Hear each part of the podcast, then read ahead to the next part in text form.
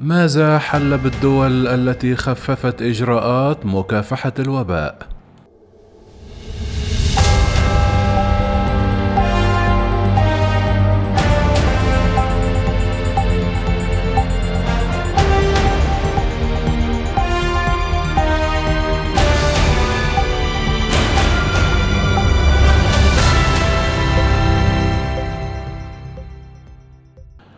قامت عدة دول برفع جميع المحاذير والقيود الخاصة بمواجهة فيروس كورونا خلال العام الماضي وشهدت نتائج مختلفة. وأعلنت بريطانيا رفع القيود بحلول التاسع عشر من الشهر الجاري ما يعني أن جميع الأنشطة الاجتماعية واللقاءات العائلية ستكون متاحة دون أي قيود علاوة على أن ارتداء الكمامات في بعض الأماكن لن يكون إجباريًا. كما تسعى بريطانيا لتحقيق الاستفادة القصوى من تجارب الدول التي سبقتها برفع قيود مواجهة الفيروس. إسرائيل بدأت إسرائيل رفع القيود في شهر فبراير شباط الماضي بعدما صارعت الزمن في برنامج تلقيح مواطنيها وبعد نحو أربعة أشهر من رفع القيود إثر تلقيح أكثر من نصف السكان بجرعتين. أعلنت إسرائيل رفع إجراء ارتداء الكمامة بشكل إجباري ورفعت جميع الإجراءات الأخرى وأعادت فتح المتاجر والحانات والأندية الصحية ودور السينما بشكل كامل. منذ ذلك الحين تزايدت أعداد المصابين بسلالة دلتا الجديدة بشكل مستمر حتى وصلت أعلى معدل يومي خلال الأشهر الأربعة الماضية الثلاثاء الماضي بعدد إصابات ناهزت 754 إصابة ورغم ذلك أكد المسؤولون أن عدد الحالات التي استدعى الأمر نقلها إلى المستشفى بقى قليلا بشكل كبير لكن تزايد عدد الإصابات دفع حكومة نفتالي بنت إلى التفكير بمواجهة الأمر بشكل أكثر نعومة ومطالبة الإسرائيليين بتعلم التعايش مع الفيروس. تم فرض بعض القيود من جديد مثل ارتداء الكمامات بشكل إلزامي في بعض الأماكن وفرض عزل صحي على القادمين إلى البلاد من الخارج. أما في هولندا مع زيادة معدلات التلقيح وانخفاض عدد الإصابات الجديدة رفعت هولندا القيود الصحية في يونيو حزيران وألغت ارتداء الكمامات بشكل إلزامي وأعيد فتح المطاعم والملاهي والأنشطة العامة. في وقت لاحق تزايدت أعداد المصابين بشكل كبير لتصل إلى أعلى معدل لها منذ نهاية العام الماضي غير أن هذا لم يؤدي إلى تزايد أعداد المرضى المحتاجين إلى النقل للمستشفيات. ومع تزايد انتقادات المسؤولين الصحيين اضطر رئيس الوزراء مارك روتا إلى التراجع الجمعة وأعاد فرض بعض القيود بعد ثلاثة أسابيع فقط من رفعها. وأصبحت المطاعم والحانات مضطرة حسب القيود الجديدة إلى الإغلاق بحلول منتصف الليل بينما أغلقت الملاهي الليلية بشكل تام واعتذر روتا عن سوء تقديره. قال روتا ما ظنناه أمرا ممكنا اتضح أنه ليس كذلك ويؤكد موقع الحكومة الهولندية على شبكة الإنترنت أن الإجراءات الجديدة ستبقى مستمرة على الأقل حتى منتصف الشهر المقبل. أما في كوريا الجنوبية فتلقت كوريا الجنوبية الكثير من المديح لنجاحها في مواجهة الفيروس كواحدة من أولى دول شرق آسيا تخطيا للوباء.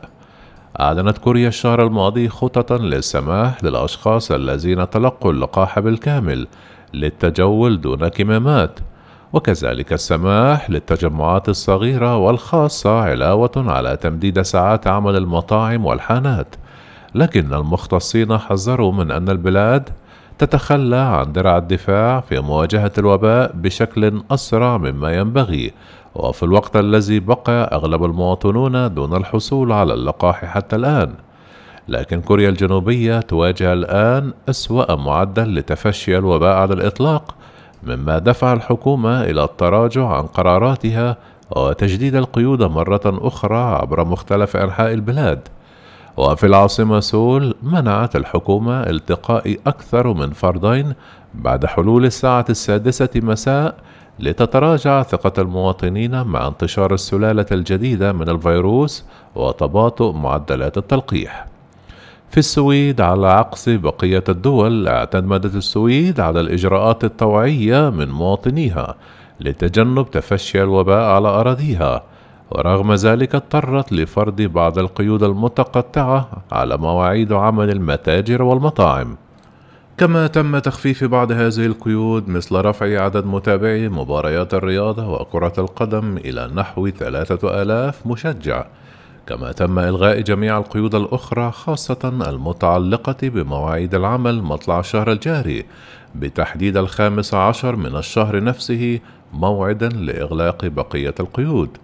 ومنذ الربيع واصلت أعداد المصابين في السويد التراجع بشكل كبير وهو الأمر الذي عزته الغالبية إلى زيادة معدلات التلقيح والظروف الجوية الجيدة مما دفع المواطنين لقضاء المزيد من أوقاتهم في الهواء الطلق لكن بسبب انتشار السلالة الجديدة دلتا فرضت السلطات على القادمين إلى أراضيها إجراء اختبار يثبت خلوهم من فيروس كورونا. في أستراليا في منتصف الشهر الماضي رفعت أستراليا القيود التي فرضتها سابقا لمواجهة الوباء في سيدني. كبرى مدن البلاد بعد نحو شهر انعدمت فيه الإصابات تماما وفي بقية المدن تم تخفيف القيود خاصة المناطق التي تشهد تراجعا لمعدلات الإصابة. بنهاية الشهر الماضي دخلت سيدني مرة أخرى مرحلة الإغلاق بينما تتزايد معدلات الإصابة بسلالة دلتا وبنهاية مرحلة الإغلاق الأربعاء أعلنت السلطات تمديدها لأسبوعين آخرين بالتزامن مع تجديل السلطات في ولاية ثاوس ويلز الجديدة أكثر من مائة إصابة جديدة في يوم واحد.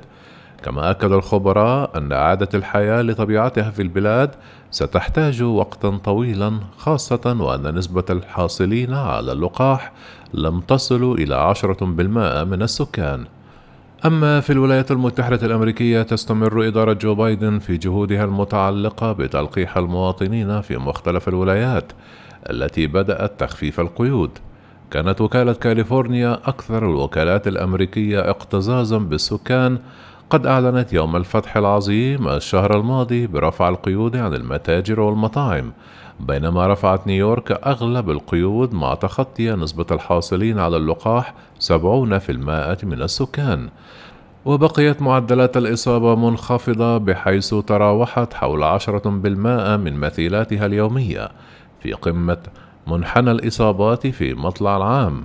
ورغم أن معدلات الإصابات اليومية تضاعفت خلال الأسبوعين الماضيين تشهد البلاد قلقا من تفشي سلالة دلتا التي تم تتبعها في بعض الولايات الجاري استكمال برنامج التلقيح فيها.